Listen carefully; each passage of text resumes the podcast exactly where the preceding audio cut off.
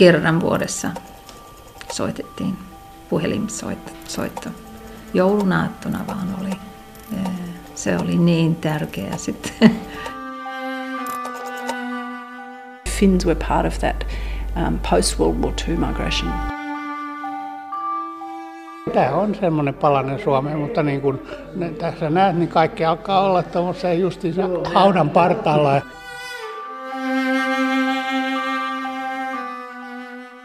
Dokumenterat sänder Lyckolandet Australien i finländska emigranters kölvatten ett program av mig, Petter Lindberg.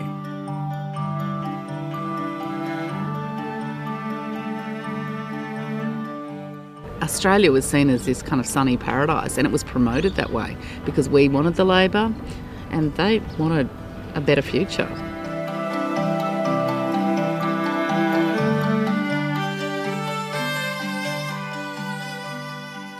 På 50-talet sågs Australien som ett soligt paradis med oanade möjligheter.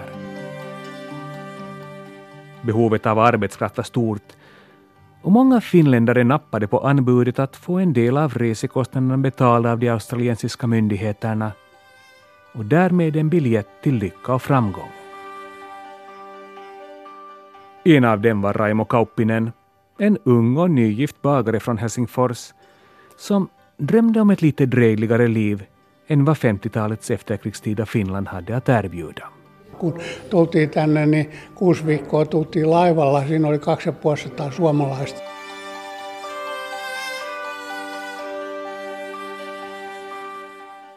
En annan som packade familjens tillhörigheter i en koffert och några kappsäckar var Rita Martuccis pappa. Kun me tultiin, meillä oli kaksi matkalaukkua, aika pieniä matkalaukkuja, ja se kirstu. Mm. Ja, ja, ei muuta. Men vad hade blivit av dessa människor som åkte till Australien med höga förhoppningar och kanske en dröm att en dag återvända till hemlandet Finland? Vad var det som lockade Australien förutom löftet om jobb och värme?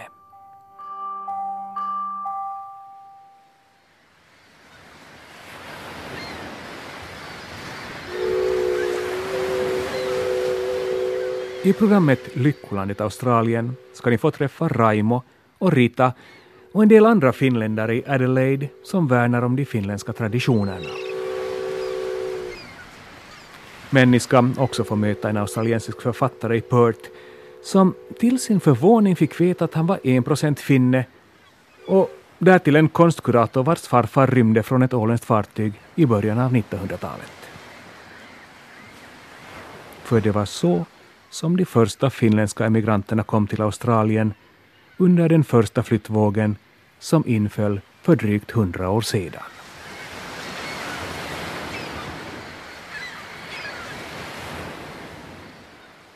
I think mostly people um, jumped ship to see what it was like working on the other side of the world. Single ticket. Sorry? The single ticket. It's the regular? Yeah. $3.50. Många emigranter rymde helt enkelt från sina fartyg, säger Mandy Paul som är chef på Migrationsmuseet i Adelaide. Av äventyrslystnad eller av någon annan orsak som för släkten kanske förblev oklar.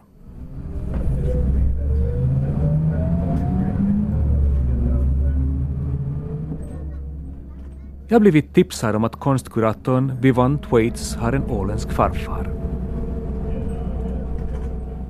Först åker jag till fel Kent Street, men när jag äntligen hittar fram bjuder Vivon på lunch och valda episoder ur sin farfars liv. How old is your grandfather? Oh, in the, the picture? Yeah. I think so. Hon börjar med att visa en bild på en ganska dyster man. And he actually looks happy. Yeah, was he a happy guy? I think later on, maybe a bit morose. Sen får jag se några ungdomsbilder på samma man som aldrig återsåg Åland, men vars hantverkskunnande och vetenskapliga intresse släkten förvaltat med kärlek. That's my grandfather, Frederick. His father was Alfred. He was a carpenter. Okay. So that's when he, uh, my grandfather was born. in Marby, Ekero. September 1903, yes. And then it goes through the family line here. Fredrik Grönlund var född år 1903. Fortfarande bor det släktingar på Åland, människor som aldrig satt sin fot på australiensisk mark men som uppvisar igenkännbara släktdrag, säger Vivon. Oh, well, I mean, the main thing was just how very far away Åland is from Australia. What a massive journey to make. And I, I think other family members were sent maybe not quite so far away. And I just thought it must have been incredibly traumatic. He, uh, he was a bit of a loner, my grandfather.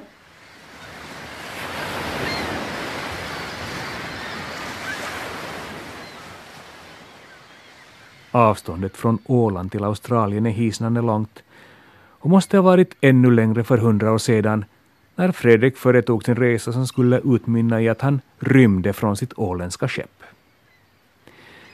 Men vad var det då som fick honom att ta detta djärva beslut? No, I never discussed that with him, and for years I thought it was um, the war. But later on, I found out it was. I was told it was to do with economics. I mean, I'd have to go back in the history books and look at all the dates. But the Russian conscription thing.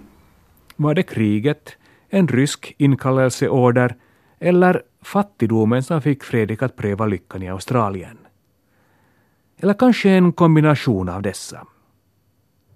Det kom Yvonne sig aldrig för att fråga, men Fredrik tillhörde trots allt den exklusiva skaran finländska män som på den här tiden prövade lyckan i ett land väldigt långt borta. Let go, sir!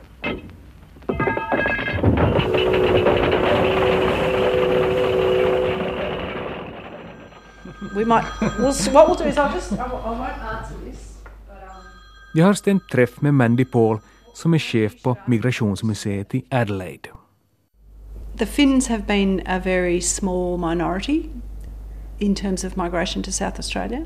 Um, there's been a very small number of Finns who've come here, um, more in the post war period, but often people who did come from um, Finland, in common with people who've come from Norway and Sweden and Denmark, they were often people who jumped ship, who left their ship when their ship docked. Let me just make my point by showing you the Croatian exhibition. Yeah, okay.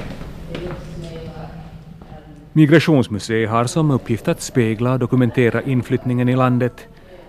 Också den finländska som tog ny fart efter andra världskriget. You know, Finland in the 1950s and South Australia in the 1950s would have been like different planets, I think. Um, and some people who came were contracted to work for the government for two years, um, and they could be placed anywhere. Um, Australien och Finland måste ha varit som två olika planeter på 50-talet, säger Mandy Paul. De som kom hit på tvååriga arbetskontrakt kunde placeras var som helst i landet, bland berg, bush eller öken. Inte så konstigt alltså att många fick en kulturchock. I bakgrunden låg ändå ett skriande behov av arbetskraft och kanske också en tanke om att inflyttningen skulle förbättra landets militära ställning. After the Second World War, this led to a policy which was called population and, or perish, which was this idea that Australia really should be filled up with people, um, preferably white people and preferably Britons, but people is what they were after. Det som myndigheterna önskade sig var en stor inflyttning av britter. Men när intresset i moderlandet sinade riktade man istället blickarna mot Nordeuropa där befolkningen var vit och i bästa fall skolad. The idea was that people from Northern Europe uh, didn't look that different from Britons and that they would be easily assimilated. So the government policy of this period was called assimilation, and that uh, was about to abandon their culturally specific practices and language.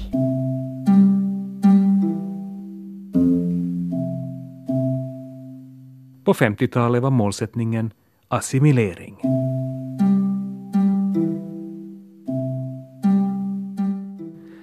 De nya invånarna skulle så fort som möjligt glömma sin kultur och sitt modersmål och bli australiensare.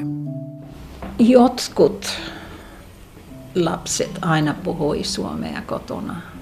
muistan sen, että joskus mentiin kylälle ja siellä ne kaikki puhui suomea, että me, meidän talossa ei. En tiedä miksi.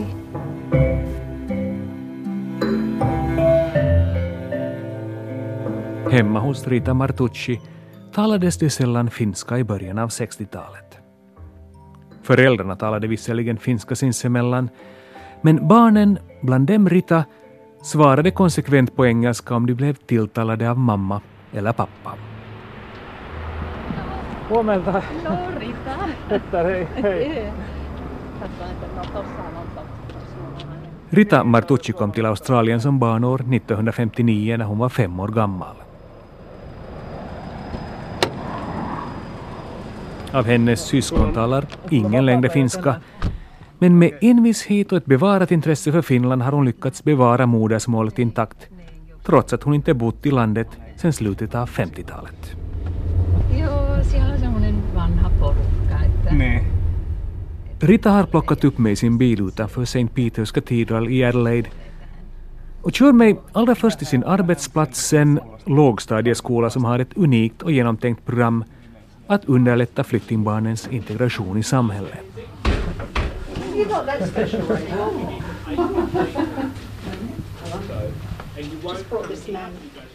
Skolbyggnaden i två våningar ser ut som vilken modern skolbyggnad som helst. Men inuti möts jag av klasser fulla av invandrarbarn som får hjälp med att lära sig engelska. Hello, everybody.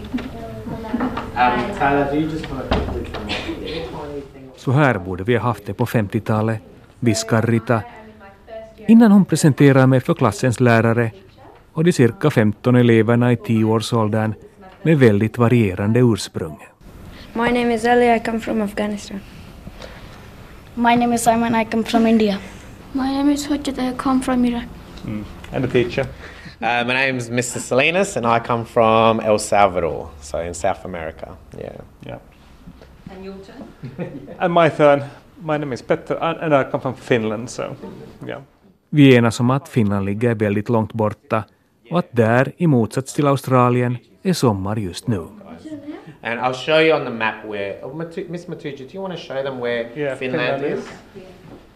Barnen tittar skeptiskt på mig, men jag intygar att det är sant innan jag och Rita tar farväl av klassen och skyndar vidare. Semmoinen, että voi kun sä oot ihan tyhmä mies, että et sä osaa puhuakaan.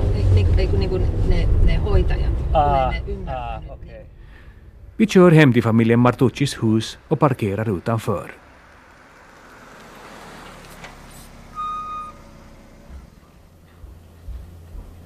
Jaha, täällä aarteet. Näistä vissiin tämä Ilma oli. I köket gräver Rita fram material som hennes föräldrar sparat. Resedokument, biljetter, middagskort, fotografier och brev. Ei mitään ei heitetty pois, mutta joskus mä ajattelen, että no kyllä iso oli vähän semmoinen niin kuin minäkin olen. Allt finns bevarat från den stora resan år 1959. Isä oli vähän semmoinen, että nyt lähdetään, nyt lähdetään, että äitillä ei ollut mitään, niin kuin, miten sanotaan suomeksi, she didn't have an opinion, yeah.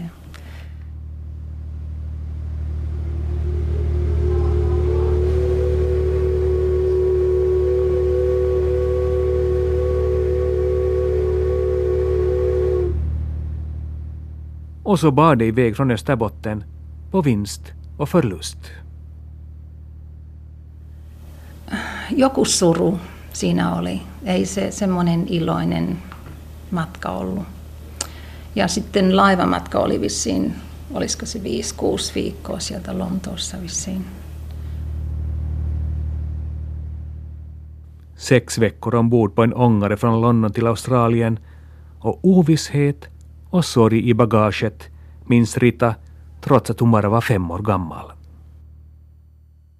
Äiti ja me neljä piti mennä yksin sitten junamatkaan Sid- Gretasta Sydney, Sydneystä Melbourne, Melbourneista Adelaideen. En tiedä, miten äiti jaksoi.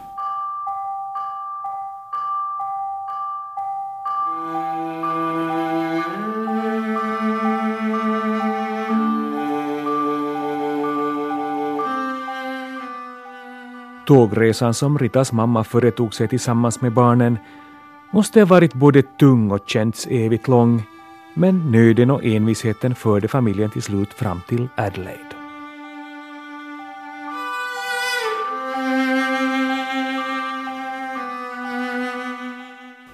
Jotenkin täytyy olla tämmöinen rohkea, jos lähtee tänne, että semmoinen itsepäinen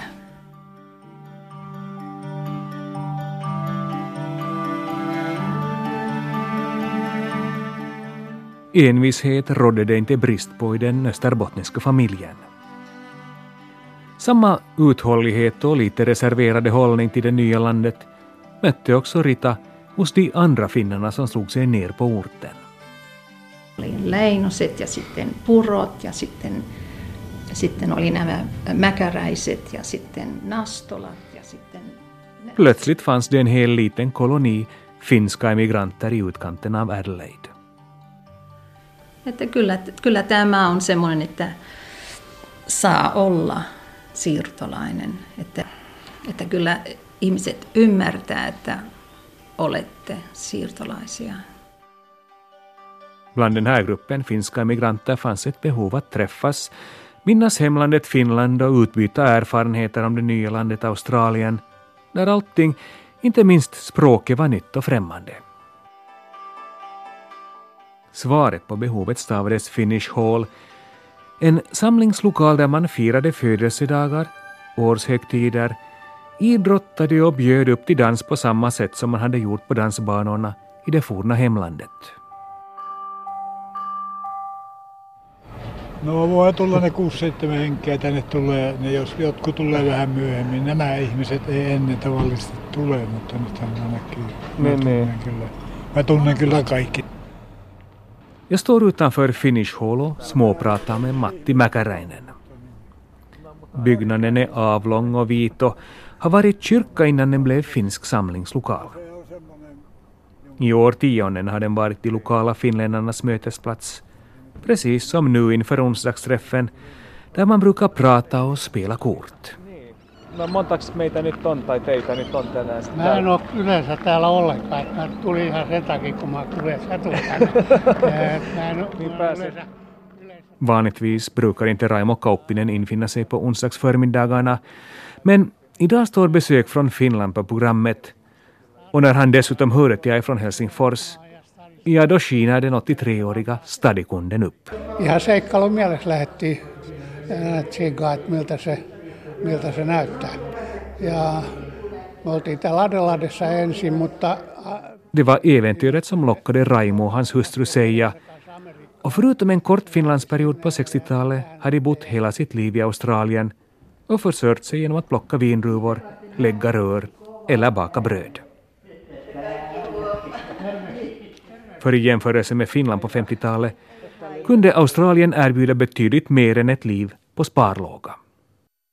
Täällä oli niin paljon siihen aikaan, Suomessa oli vielä semmoista kituelämää se elämä ja siellä ei kyllä jäänyt mitään säästöä ja se oli vähän vaikeaa. Ja Lönen i Finland var så låg att inget kunde läggas på hög och lagar och förordningar inskränkte individens frihet.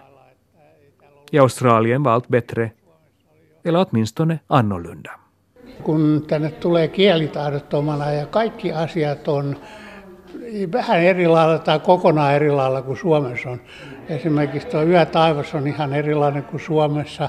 Suomessa on yö, kun meillä on päivä ja äh, liikenne on vasemmanpuolista, kun Suomessa on oikeanpuolimaista. Inte så konstigt alltså att många finländare hade problem när språket, måttenheterna, trafiken och natthimlen inte alls liknade det man varit van vid i Finland. Också Rita Martuccis föräldrar hade det svårt i början. Mm, äitillä oli aina semmoinen homesickness, että se jotenkin päähän. eh, Tai isällä, ei isä, ei se oli ihan saanut, tykkäsi olla vähän kylällä ja, ja kyllä se tykkäsi olla täällä. Se oli vähän semmoinen joking, semmoinen ihminen. Ritas pappa trivdes förhållandevis bra, men mamman plågades av hemlängtan. Visst drömde man ibland om att åka tillbaka, Men det fanns inga som helst ekonomiska förutsättningar, säger Rita och minns 70-talets evinnerliga soppmiddagar. Raha oli se, se iso juttu, että tiedän tämän tästä, näistä kirjeistäkin, kun ne laitti kaikki säästörahat tähän taloon Elisabetissa ja sitten siinä oltiin kiinni. Että kun oli... Pengarna gick till låneavkortningar och mat och kläder till fem barn. Man var helt enkelt livegen och rotlös på ett sätt som man knappast kunnat föreställa sig innan man åkte.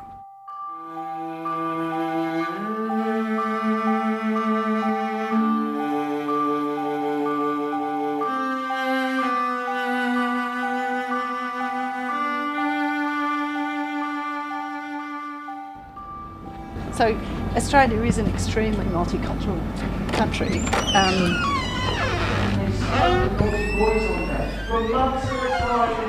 so one in four Australians has a at least one. One of the things that people who who migrated here or whose parents migrated here um, often when they do go back to their country of origin, there's a sense of rootlessness or, or, or not fitting. And sometimes people who attempt to live in both places, so Australia and Italy or Australia and Greece or whatever, feel that actually they don't belong anywhere.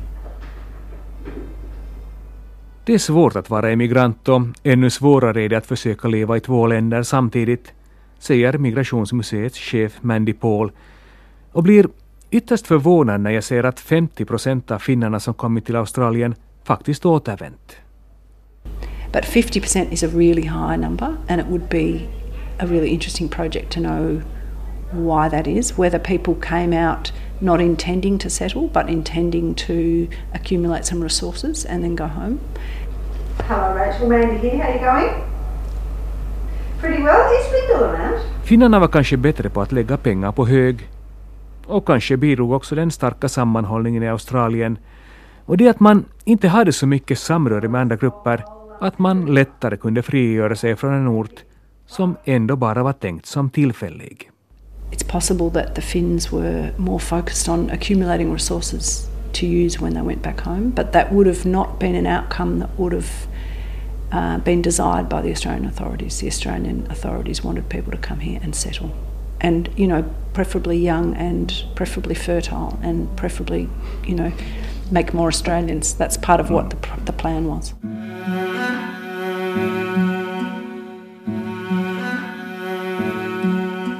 Det är fullt möjligt att finnarna var inställda på en kortare vistelse, säger Mandy Paul.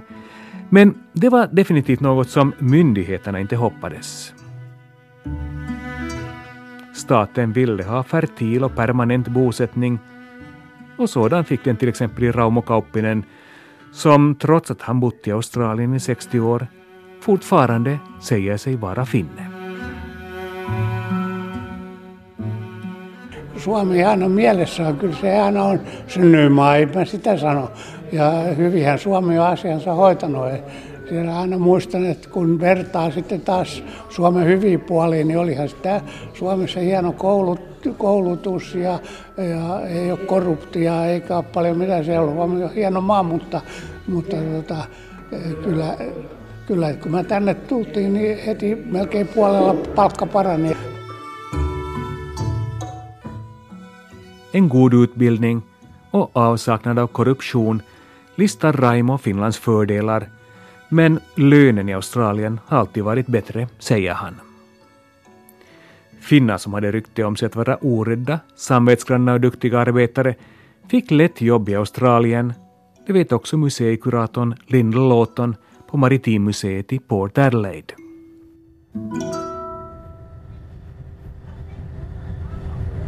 Now arriving at Port Adelaide, a light here for local bus services.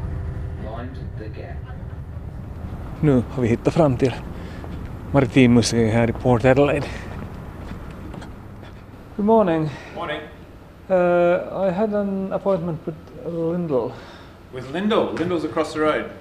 Ah, okay. She's on the other side. Yeah. Okay. I, I thought this was You're the... here to talk about the finish. I don't, you take I do, No, no, yes. no, I'll go pick up the few things, so I'll, I'll shut this, I'll be back in. Okay, no worries, I'll lock up all these. so.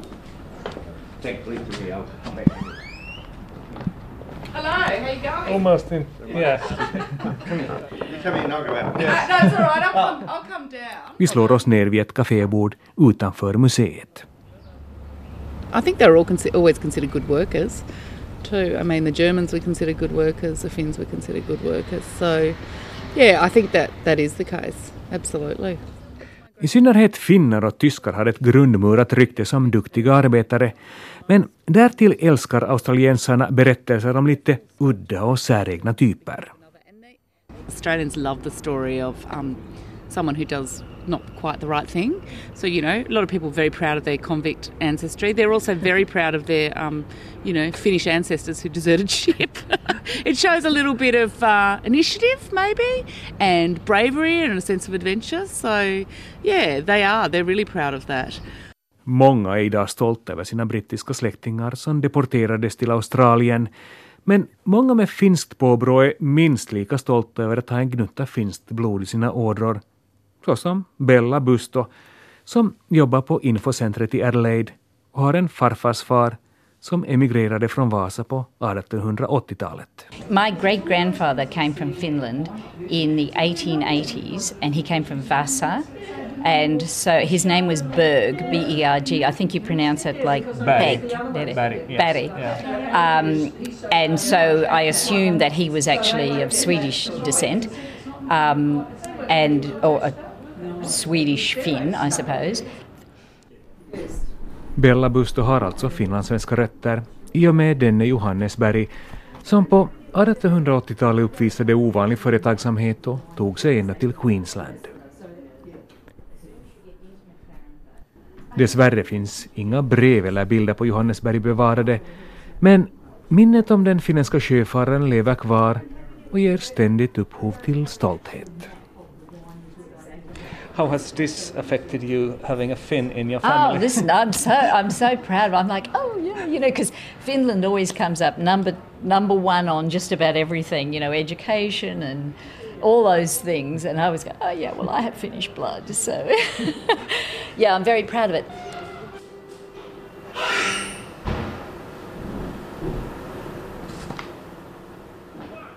Och minst lika stolt över sitt ursprung som Bella Busto är Vivon Thwaites, vars åländska farfar hade rymt från sitt skepp i början av förra seklet.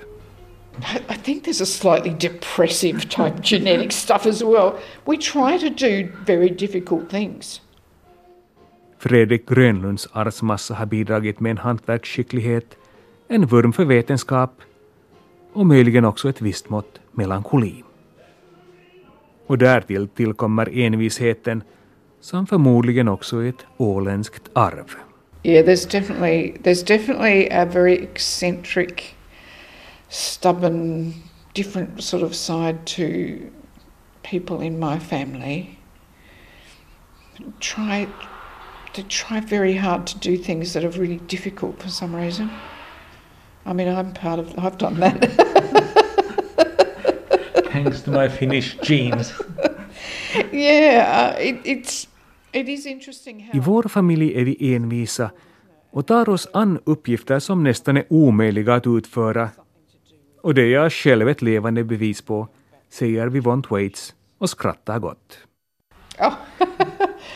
I don't know. I don't know what people say about me. I think I'm generally known, known as being fairly eccentric and odd.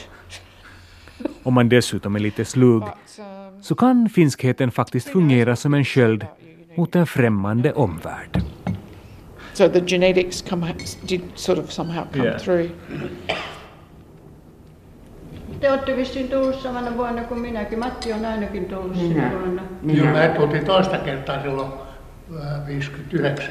Aa, Me jaa. oltiin täällä jo 60, eka kerta. I ärlighetens namn har många emigranter ändå klarat sig alldeles utmärkt trots begynnande svårigheter.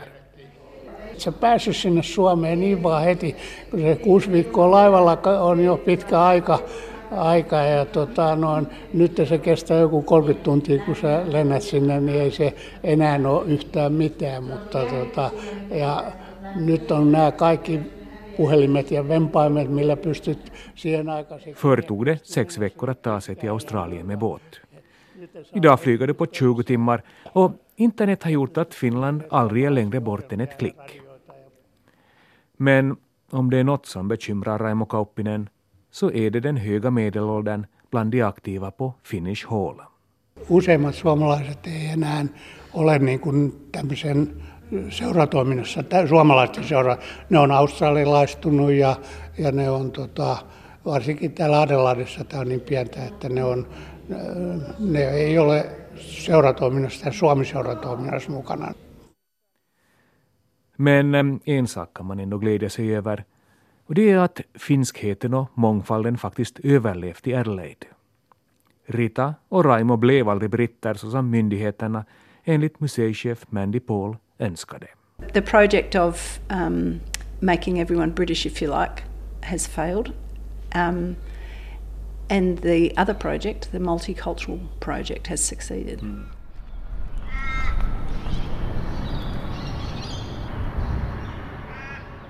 Den här resan i finländska emigranters kölvatten börjar gå mot sitt slut. Men vi ska ännu uppsöka en person som bara för ett halvår sedan fick veta att han faktiskt är finländare om så bara en procent. Det är frågan om den australiensiska författaren Robert Drew som sedan december 2017 värnar om sin finska procent med omsorg och värme. Uh, for a Christmas present my wife gave me um, a DNA testing kit from myheritage.com And uh, after a couple of months, uh, I had to have a swab and all that sort of thing. And after a, a couple of months, it came back that I was 48% English, 31% Irish, Scottish, and Welsh, 19.5% French, and 1% Finnish. But the only percentage that was of interest to me and to the family was the 1% Finnish. DNA-analysen som Robert Drew fått i julklapp visade alltså att han var 48 procent britt, 31 procent irländare, skotte och walesare 19,5 procent fransman och en hel procent finne. Ett nog så överraskande besked som gjorde hela familjen upprymd. The Finnish one had, had us a bit bewildered because I then looked it up of course. And the, the big areas of, the big periods of, of uh, Finnish migration were first of all, in, as you would know, in the 1850s to the Victorian gold rush. Robert Drew började leta efter sitt ursprung och fann finska guldgrävare på 1800-talet, förrymda sjömän några årtionden senare och arbetssökande finländare efter andra världskriget. Men allting pekade ändå på skandinaver som härjade och plundrade i England under vikingatiden. Um, och det var absolut något att vara stolt över, tyckte Robert Drew och började läsa på om Finland.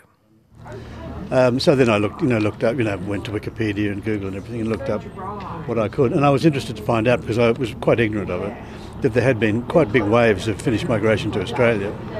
Um, and and in the um, and because a lot of my novels. Till sin egen förvåning mötte han berättelser om finska sjömän och guldgrävare. Berättelser som påminde om många av hans egna historiska romaner. Men i övrigt har hans liv nog inte förändrat sig i någon större grad. Fast precis som vid One så kan ju Robert Drew numera hänvisa till sitt finska ursprung och hävda att det är den som får honom att bete sig illa eller dricka för mycket. Well, I'll use it as an excuse now. I'll use, certainly use it as an excuse. I'll say, Don't, it's not my fault. um, it's it's the Finn, it's the Finn in me making me making me do it. Um, no, I'm, I'm really. I, that's not a bad idea actually. Och därmed slutar sig den finska cirkeln i och med att Robert Drew planerar att resa till Finland. Rita Martuccis pappa ville bli begraven i Österbotten trots att han hela sitt liv hedrat att Australien var ett bättre land än Finland. Monta varmasti täällä Australiassa, ketkä sanoo, että ne on vienyt tuhkat takaisin mm. sinne, sinne mun juuret. Yeah. Och Raimo Kauppinen, stadin kundi i själ och hjärta, ville prompt bjuda mig på bastu efter att vi träffats på Finnish Hall. Monella suomalaisella on sauna siellä kotona ja, ja, tota, ja ne useat on pärjännyt aika hyvin.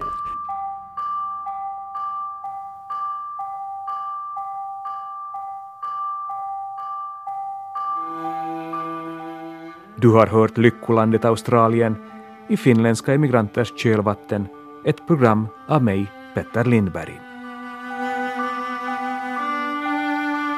För ljuddesignen stod Johan Hellman och producent var Staffan von Martens.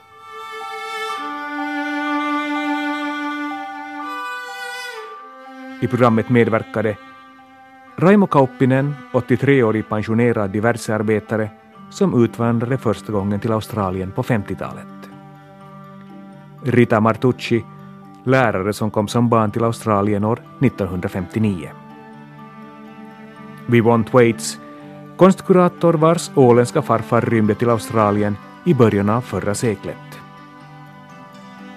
Mandy Paul, chef för Migration Museum i Adelaide, Lyndall Lawton, museikurator på Maritime Museum i Port Adelaide och Robert Drew, australiensisk författare bosatt i Perth, en man som till sin egen förvåning upptäckte att han var en procent finne.